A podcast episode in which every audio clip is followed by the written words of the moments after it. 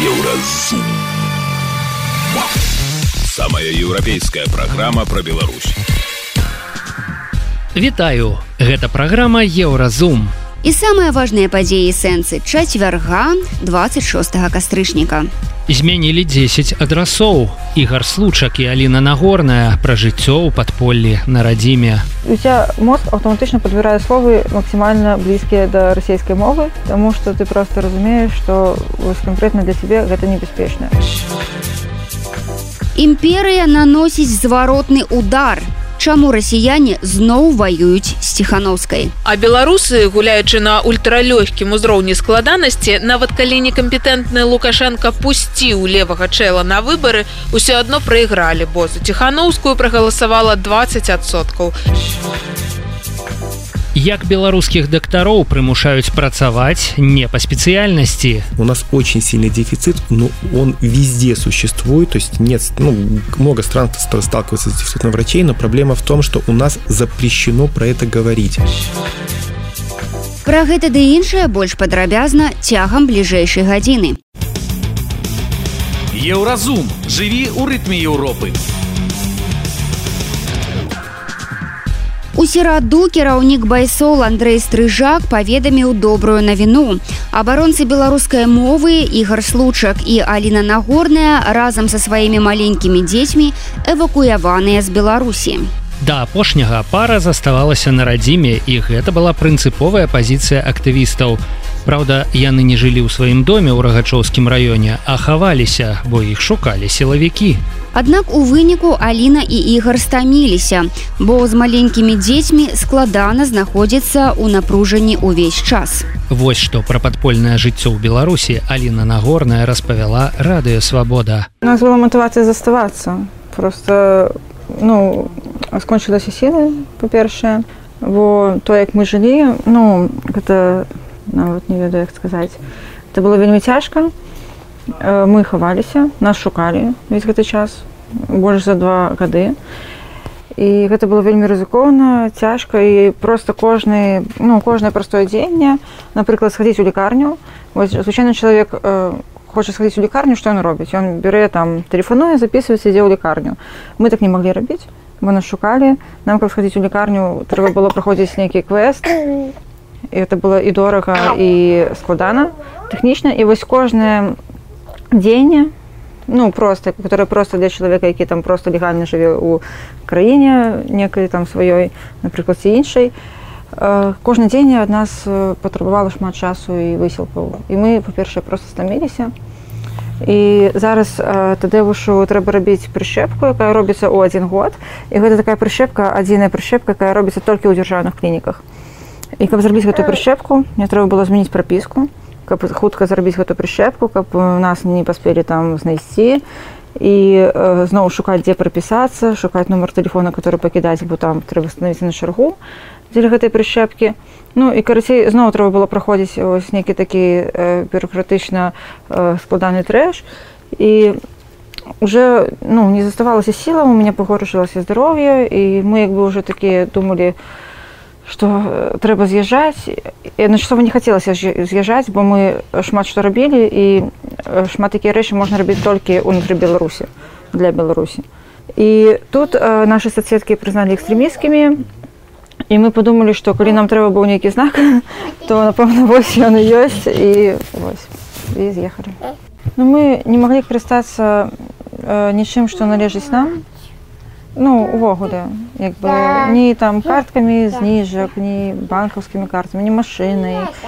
Э, ну ну просто нічым ну агулам канешне мы там не з'яўляліся ў шмат якіх месцах у якіх хацелі з'яўляцца не камунікавалі з людзьмі з якімі хацелі камунікаваць таму што гэта нашы відавочныя кантакты з некаторымі людзьмі мы не маглі камунікаваць таму што э, як бы людзі ну беларусі зараз адбываецца просто ну вельмі все цяжка і людзі якія нешта робяць у беларусі яны под велізарнай рызыкай незалежна таго хаваюцца яны ці не хаваюцца асабліва калі не хаваюцца і э, шмат якія людзі такія нам паведамлялі прыватна э, вельмі складанымі спосабамі што яны завербаваныя і карацей э, так э, ну і гэта вельмі зараз э, масава робіцца таму было вельмі цяжка кола контакту было абмежаваныя Стэфан не мог пайсці ў садок Таму што ну, мы просто не маглі бы гэта афіцыйна і нас маглі бы знайсці по гэтаму.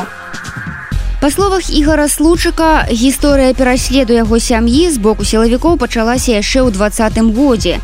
За гэтыя тры гады сям'я змяніла каля 10 адрасоў. Даводзілася жыць нават без тэлефонаў. Я думаю, дзесьці з лістапада ўжо пачалі да нас прыходзіць там то міліцыя, то яшчэ нейкія людзі там просто грукацца ў дзверы там у брамку. Ну мы не адчынялі і так гэта працягвалася вось гэта гульня нерваў 10 да пачатку лета 2021 года калі ўжо просто на наш подворак уламіліся людзі у нашу адсутнасць. Ну і ўжо як бы гэта ўжо межы як бы нашага дома ўжо былі парушаны і мы вырашылі ўжо тады з'ехаць са свайго дома і вось з таго часу мы ўжо сваім доме не жылі. І жылі ўжо вось па ўсёй беларусі. Мы тымі ці іншымі шляхамі знаходзілі нейкі дом ці кватэру. Ну вось бралі тыя рэчы якія маглі кісу сваю дзяцей аднаго спачатку. Ён яшчэ стэфан пачаў ездзіць калі яму было 8 месяцаў і пачалі ездзіць. Я калі вяртаўся ну, вось калі мы часам наведалі свой дом каб нейкія рэчы ўзяць это адбывалася як бы мы як злодзеі просто туды прыязджалі сярод ночы там за, там за паўгадзіны за гадзіну у, у цемры збіралі тыя нейкія рэчы. Я просто зайшоў у дзіцячы пакой там якраз яшчэ вісела такі балонік 8 месяцаў стэфану ён да, так сумна было гэта бачыць. Ну, вось стэфан з гэтага часу 8 месяцаў ён такім жыцці падпольным жыве. Ну я думаю можа каля 10 мы адрасоў памянялі за гэты час можа больш. А самыя самыя насамрэчы такія бяспечныя шляхі гэта нагамі. Бо нават як-то тэдзік захвары а не тады яшчэ быў стэфан толькі стэфан і ён захварыў неяк а мы жылі недалёк ад горада ў вёсцы і ну ніякіх электронных прылад няма і як бы так пазваніць таксама не можаш і таксоўку выклікаць не можаш і ну прыкладна ведаеш што трэба зрабіць і ведаеш што ёсць у горадзе кругласуткая аптека я вось праз лес праз поле пайшоў некалькі кіламетраў з сабакай за лекамі для дзіцёнка і пад раніцы вярнуўся першую як як, як быццам бы 500 гадоў і не было. Як прывітаўце можа быть да, ша, да шамана хадзілі так і я прайшоўся іду па лесу за каля мяне сабака вялікі ідзе і мы ідзем разам за гэтымі лекамі для дзіцёнка ну кіламетры можа 4 в один бок 4 ў другі бок так прыкладна нам пашэнціла што мы тады блізка да а я тады дайшоў да гэтай да запраўкі каб выклікаць таксоўку папрасіць а запраўшчык кажа што ён не ўзяў телефон як быццам бы я тады пайшоў да іншага месца так далей яшчэ прыйшлося пару кіламетраў прайсціся да першай крамы.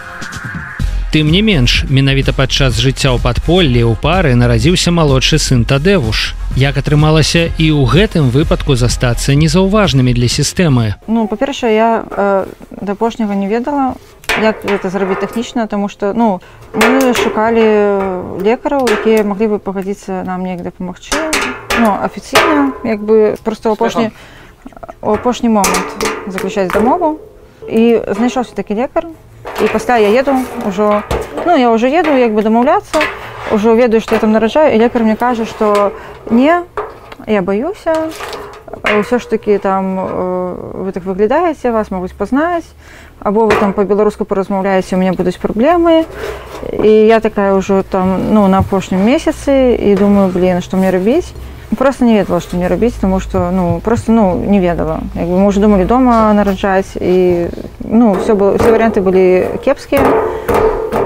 думалі з'язджаць але ўжо было небяспечна бо цяжарнасць была цяжкая я могла просто не даехаць плюс яшчэ былі свае праблемы што у той момант мы хаваліся э, за горадам Я не ведала, як пойдзе, ці даеду я фізічна за старном таксама там да патрэбнай лікарні таксоўку можна канешне было выклікаць але таксоўшчыкі часам адмаўляцца гэта рабіць хутка мы выклікаць не можам бо там дадзеныя трэба пакідаць і карцевасць апошняга мы не ведалі як это разруліць ну я нарадзіла але гэта было вельмі нервова і па сутнасці гэта было афіцыйна як бы я да апошняга пераймалася што нешта можа пайсці не так бо на другі дзень пасля родаў паперка пра новага чалавека ідзе да захсу і там ты можаш дзесьці апынуцца ў нейкіх ну просто дзесьці апынуцца калі ў гэты момант прямо вось у гэты момант цябе там будуць шукаць то яны як бы ну знаходзяць. Вось але ну нормально атрымалася але просто ну это было эмоцыйна цяжка. Бо напрыклад калі я нарадзіла стэфіка адзінае пра што я думала это там як мне адпачыць як мне яго карміць. Это был першае дзіцё не ведала як там правильно памперса прынаць ну ты думаешь пра сябе і пра дзіцё. А так я ў радзіне просто сидзела і весь час думала як бы мне адсюль выйсці не ў турму як бы дзіцё гэта не апынулася там ну і карці такой атмасферы все гэта было Па словах Аліны нагорнай і ігора случака пакуль яны прыходзяць у сябе. І крыху разгубленыя ад свабоды бо ўвесь час прывучалі сябе жыць у максімальнай асцярожнасці. У грамадскіх месцах моўным актывістам нават даводзілася мінімізаваць карыстанне беларускай мовай. Аднак пры гэтым і ігар і Аліна за час падполля напісалі па кнізе. Наладзілі нармальную бяспеку але ўсё адно як бы ты жывеш у гэтым ну у цябе там вось узялі аднаго сябра добра затрымалі ну ты читаешь у навінах что яшчэ там затрымалі там сёння там 10 чалавек да? Там э, завтра там у тебе знаёмы чалавек паміраю турме напрыклад пасля у тебе сябра паміраю турме гэта ўвогуле э, была жесть.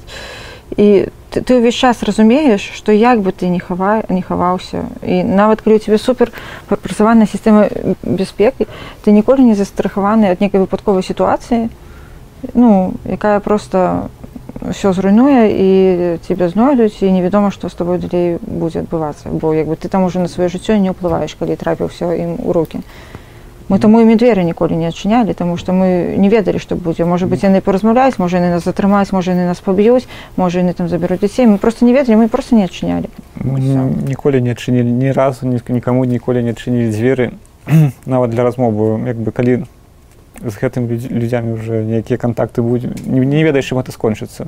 Ну і так і, і кожны дзень як як апошні дзень. Ніколі гэта пачуццё не, не праходзіла як бы ну разумееш што ты можаш рабіць все як бы вось меры бяспекі нават больш але вось выпадковасць можа так бы вось можа быць просто выпадковасць нейкая.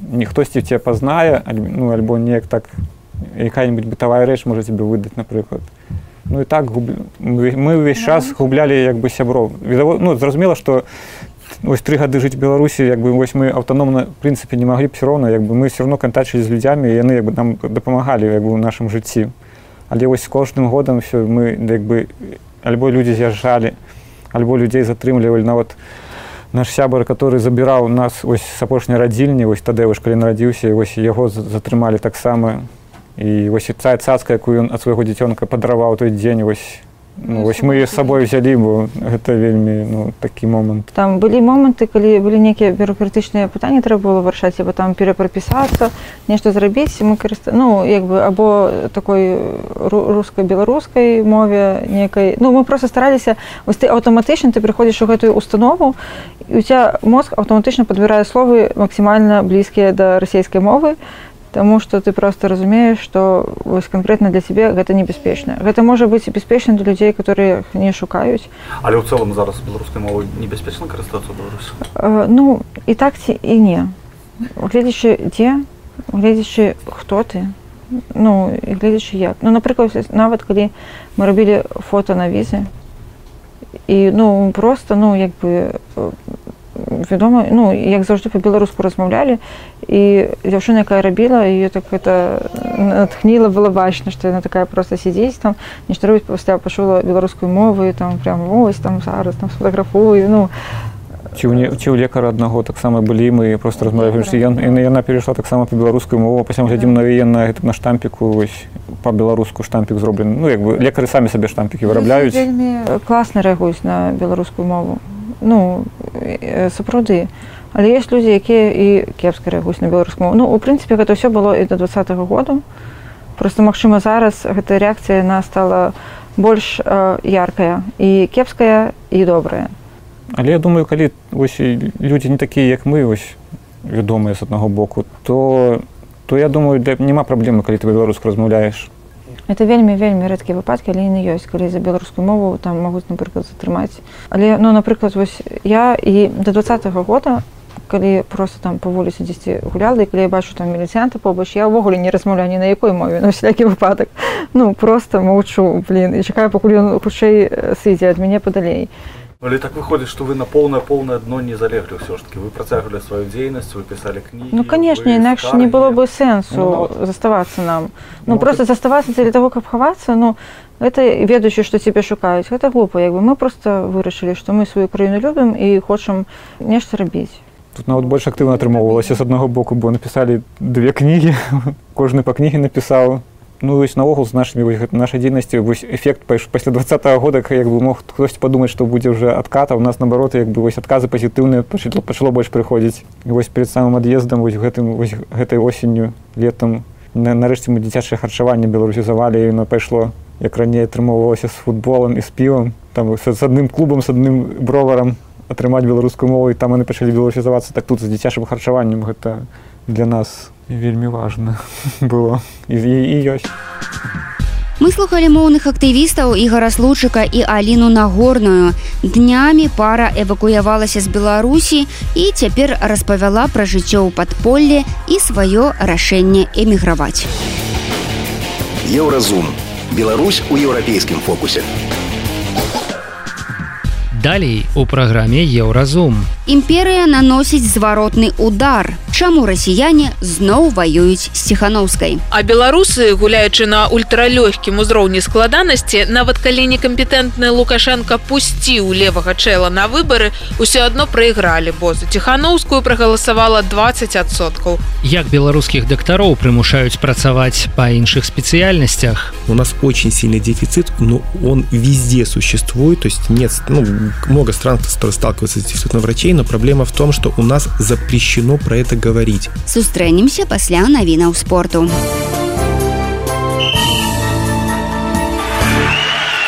На еўрарадыё навіны спорту.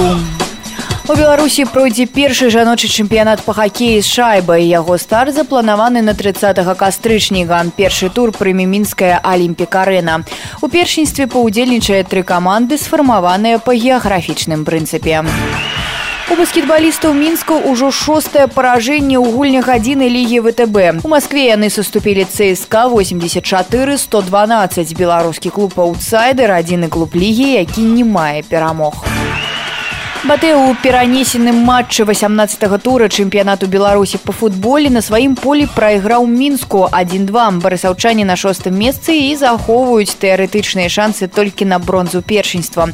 26 тур стартуе ў пятніцу У апошніх матчах трэцяга тура футбольнай лігі чэмпіёна ў Манчестер Сіці ў гасцях выйграў у швейцарскага Янг Бойс 3-1. Мансіці, як і Барселона мае тры перамогі ў трох сустрэчах.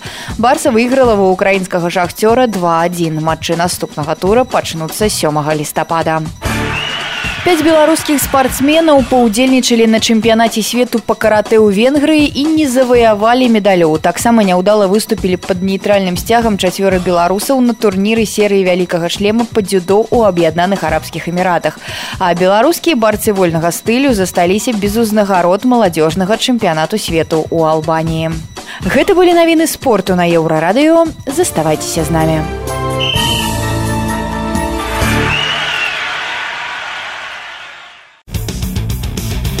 Еўразум жыві ў рытме Еўропы. Не паспелі соцсеткі астыць ад гарачых баёў за ці супраць ціханаўскай, як канфронтацыя выйшла на новы ўзровень. На мінулым тыдні апозіцыйна настроеныя расіяне пакрыўдзіліся на яе словы пра розніцу паміж беларусамі і рускімі, а таксама пра легітымнага Пуціна. На гэтым тыдні зноў пакрыўдзіліся. Праз навіну пра тое, што ў Латвіі з чорнага спісу выключаць аўтамабілі з беларускімі нумарамі, а з расійскімі не. Адбылося гэта пасля сустрэчы прадстаўнікоў латвійскага сейму і офісу святланай ціханаўскай і панеслася. Старт новай дыскусіі ў твітары дала беларуская блогерка Настасія Касцюгова. Яна падзялілася навіной і знізу прыпісала. Я нават нічога не буду дапісваць ад сябе, вы самі ведаеце, што будзе далей. Ну а далей было вось што. Напрыклад, юзер Моркалат напісаў. То бок гэта было умовай. Скажы, што ўсе расіяне імперцы і беларусам тваім зробім зніжку. Хто там казаў, што літва адэкватная? Зрэшты, по-любому, учынак ціханаўскай гэта тлумачыць, але не апраўдвае. І так блогер Джипсенкоў мае рацыю. Папярэдні аўтар не адрознівае нават літву ад Латвіі. Вось такія яны рускія якія кажуць пра сябе што яны не імперцы Не засталася ў баку і расійская апазіцыянерка Любоў Собаль.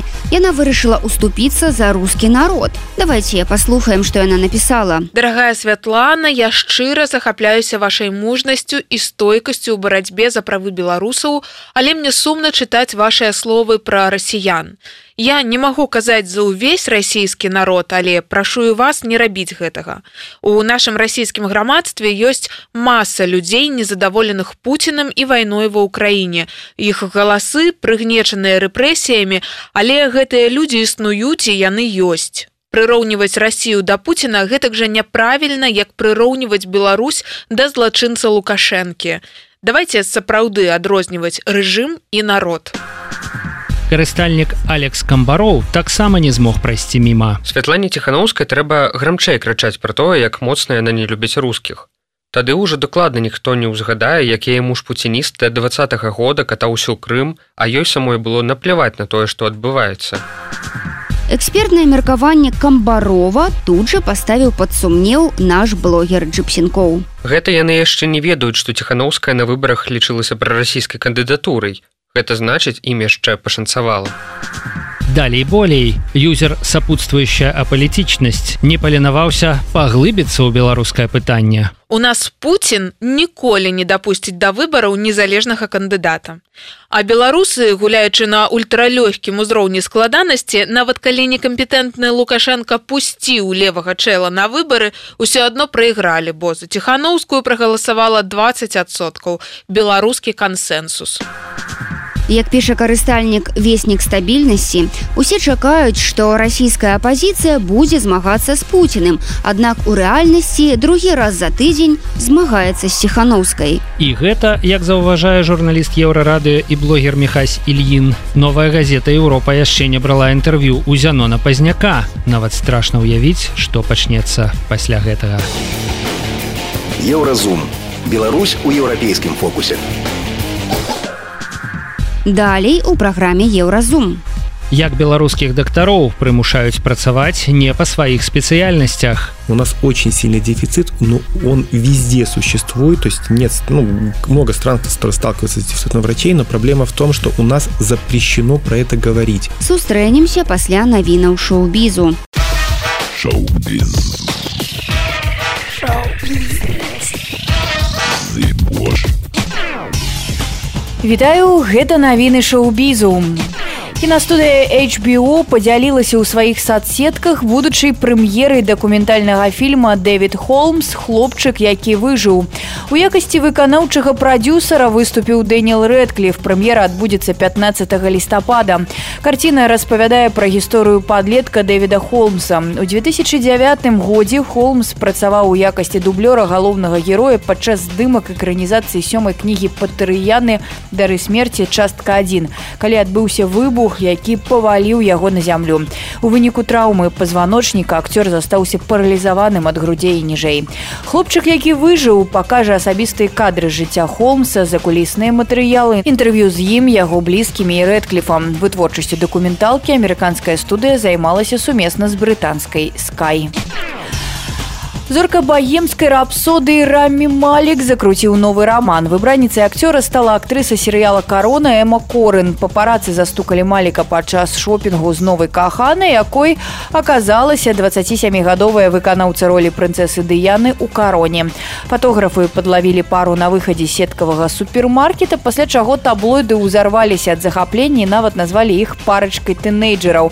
Усё дзякуючы падобнаму стылю ў адзенні. Яны праўда выглядалі вельмі вельмі закаханымі як два подлеткі і ніхто не разумеў што гэта зоркі яны просто зліліся з натоўпам як звычайныя людзі распавялі відавочцы спаткання знакамітасцяў. у Адзіная дачка легендарнага музыкі курта Кабейна выйшла замуж. Пра таемнае вяселле 31гадовага Фрэнсіса Біна Кабейна распавялі заходнія СМ.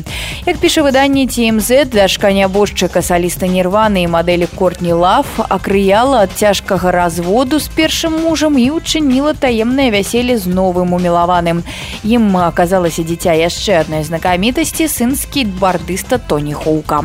У распараджэнні СМ апынуліся копія афіцыйнага пасведчання паведамленне аб шлюбе Фрэнсіс Кабен і Райлі Хука. З яе стала зразумела, што дзеці знакамітасці ажаніліся на пачатку кастрычніка гэтага года. Гэта былі навіны шоу-бізу, заставайцеся на хвалях еўрарадыё.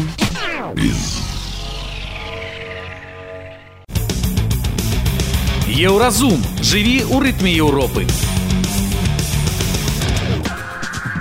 У мінску шукаюць больш за паўтары тысячи дактароў і больш за 1800 медсестёр а ўвогуле ў беларускай сталіцы вольныя 35 тысяч вакансій такімі дадзенымі падзяліліся ў камітэце па працы занятасці і сацыяльнай абароне мінгарваканкама але менавіта недахоп медыкаў адна з самых балючых праблемаў беларускага рэжыму у кабінетах мінздароўя і адміністрацыі лукашэнкі лічаць што дзяржава ўкладае шмат высілкаў у падрыхтоўку дактароў маюцца на ўвазе 5 гадоў універсітэта і інтэрнатура і таму лічаць на версія удзячныя медыкі мусяць працаваць працаваць за невялікія заробкі ў любым кутку беларусі і ні ў якім разе не лезці ў палітыку. Але гэтая схема пасля 2020 года паламалася. Дактары і медсёстры як і мільёны беларусаў адчулі сябе грамадзянамі краіны пасля пратэстаў многія з'ехалі і гэтая хваля не спыняецца. Таму у паліклініках чэргі. Дактары якія засталіся вымушаны працаваць за траіх.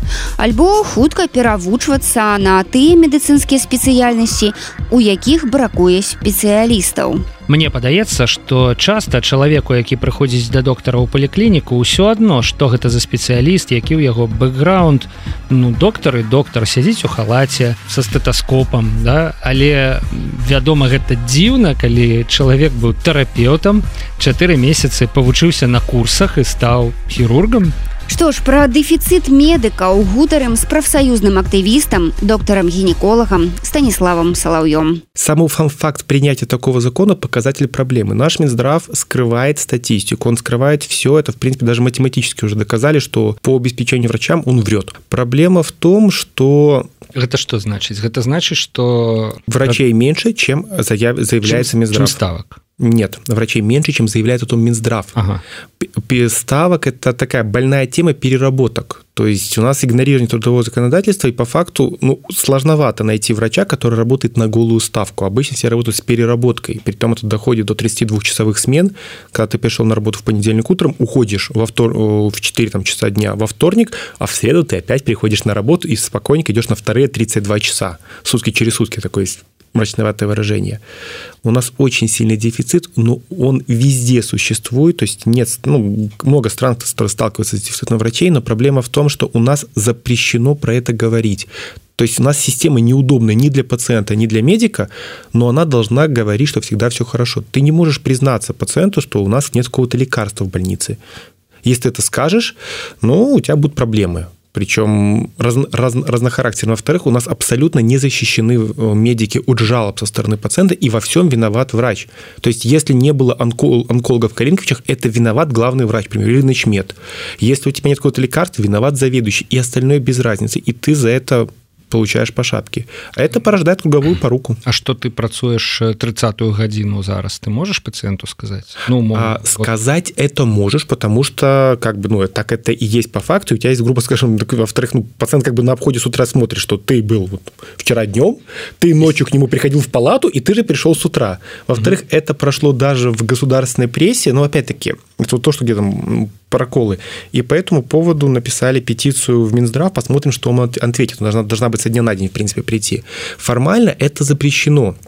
Они немножко выкручиваются с позиции, что днем ты отдельная ставка, ночью вроде как другой ты по другой ставке идешь, то есть вроде как этого не видно, но все равно это нарушение трудового. 24 часа, если ты отработал, ты обязан отдыхать в два раза больше времени. И про это, в принципе, просто это то, что знают все, но то, что как-то, ну, то, что все не знают. К примеру, мои родственники, не связаны с медициной, когда узнали про эту практику, ну, были слегка удивлены. А мой покойный отец рассказывал еще проще, когда он ложится на операционный стол и слышит разговор хирурга с анестезиологом, там, как у тебя ночь от хирурга, «А, даже не присел, на три операции. И отец понимает, что у человека вот пошел уже на, на 30 час работы, а как бы четвертая операция карці его операция умовно кажучи. Нет три только за ночь. А. То есть человек просто вот он пришел на работу вчера так вот он и не останавливался. А от неправильно рассчитанной дозы или просто там неправильного движения есть много работ в медицине, которые исследовали это и, и показывают, что это выше риск ошибки и прочее, прочее. Поэтому у нас на это просто закрывают глаза, потому что некому работать. И вот тут такой вот интересный парадокс. А что делать потом? Цікаве пытанне з каментароў станіслава Чаму мы тады усе яшчэ не здохлі а, ну во-первых предположим что медицина вообще природой не предусмотрена то есть человеческий организм довольно живучий и не от всех заболеваний мы должны умирать во-вторых я, скажем так, имел опыт хождения в операционном на 30 час. Ты все равно делаешь свою работу. Вопрос медицины не о точности, это о вероятности. Вероятность ошибки выше. Ошибка не равно смерть. Ошибка это может быть там, кривой, там, кривой шрам, а, побочка от лекарства и прочее, прочее это не равно, что там или все, или ничего. Во-вторых, а посмотрите на среднюю, если, если, думаю, покопаться на количество инфарктов, инсультов и прочее у врачей, то почему-то выяснится, что ну, там, фельдшеров, медсестер, что количество это будет большее. То есть это когда проводилось исследование по условиям труда в Беларуси, мы пытались доказать наличие принудительного труда, то есть по сути, варианта рабства, что если ты не работаешь, ты, наказ, ты будешь наказан.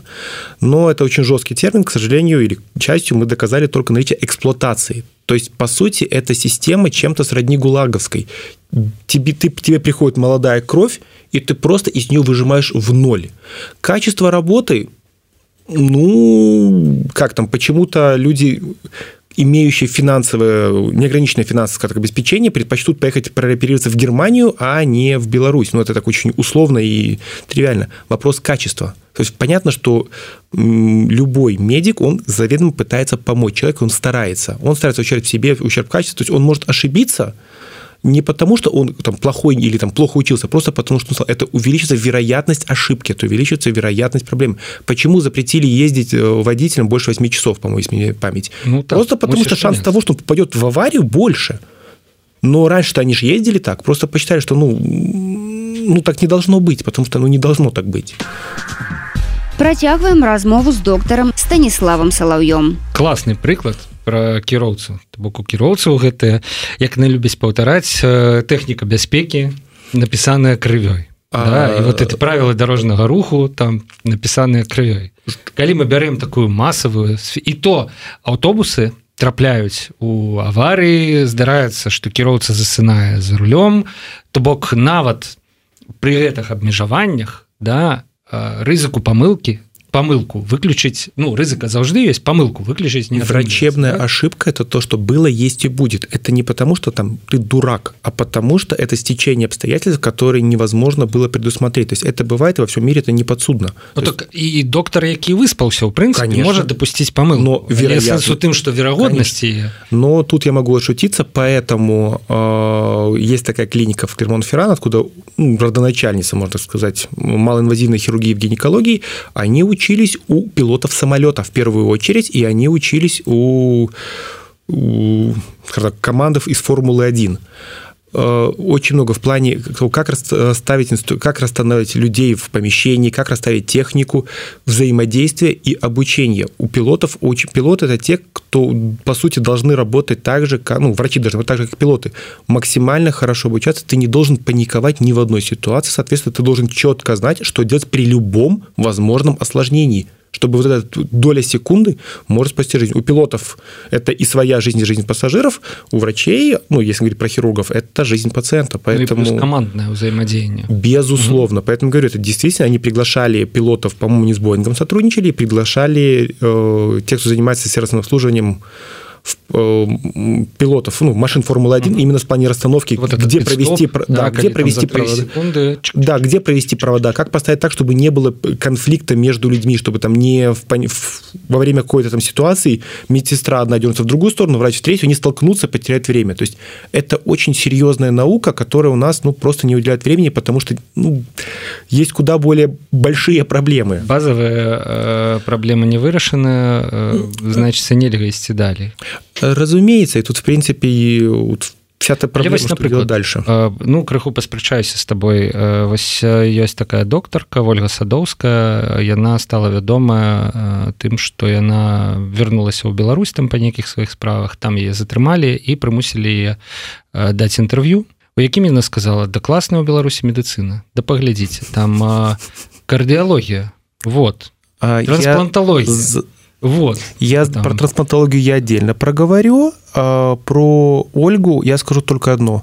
Попади я в Беларусь, я, ну, скорее всего, я бы рассказал и то, что Луна состоит из сыра, и то, что Лукашенко наш президент, и даже сказал, что я изобрел велосипед любой попавший в Беларусь, любой дающий интервью, всегда должен понимать, что мы не знаем, какие там были условия, и ну, что, может быть, это ее личное убеждение, но за сильно я сомневаюсь. Я, я б сказал, якія там были умовы, няхай нехта мяне мне дакажа разупэўніць мяне, что там не было прессингу. Даже если его это там нету, это как дать интервью на улице на вопрос там это как там вопрос из разряда поддерживаете ли вы политику э, там, нашего президента или вы пойдете сейчас на 30 суток.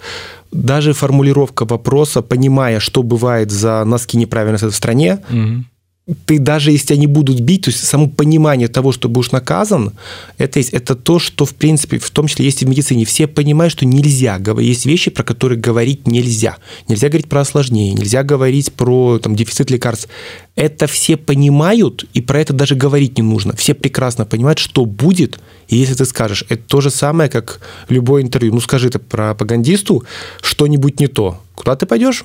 В тюрьму, поэтому любое интервью, данное белорусскому телеви... Э, пропаганде на территории Беларуси априори дано под давлением. Единственное исключение, если приедет журналист условного там, БТ в Варшаву к человеку, у которого нет ни одного даже родственника не осталось в Беларуси, и вот тут я могу поверить, что он дает интервью не под давлением. К сожалению, так. Я думаю, что по БТ это интервью не покажет. А... Это уже иншее питание. Черт его знает. Проблема в том, что... Меди... Ой, извините за грубое слово. Проблема в том, что нет идеальной системы медицины. Нет ни одной страны, где люди довольны медициной. Просто вопрос в том, что на что мы делаем ставку. Если в нормальности говорит, окей, вам нужно подождать три месяца очереди на операцию, вы от этого не умрете, но вам будет неприятно.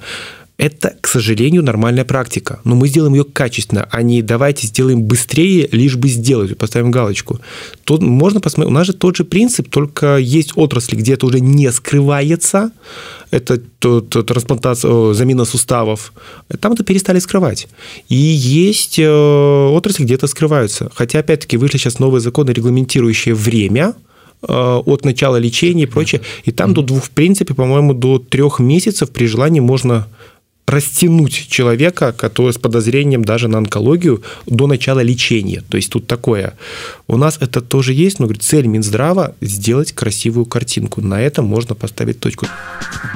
Гэта быў прафсаюзны актывіст і доктар гінеколог станіслав салавей мы пагутарылі пра прэсінг на медыцынскую супольнасць і недахоп кадраў у беларускай медыцыне еўразум Беларусь у еўрапейскім фокусе Гэта была праграма Еўразум, штодзённы інфармацыйны падкаст еўрарадыё. Кожны дзень мы распавядаем пра самыя галоўныя навіны Беларусі і свету. А сённяшні выпуск скончаны. Беражыце сябе. Пачуемся.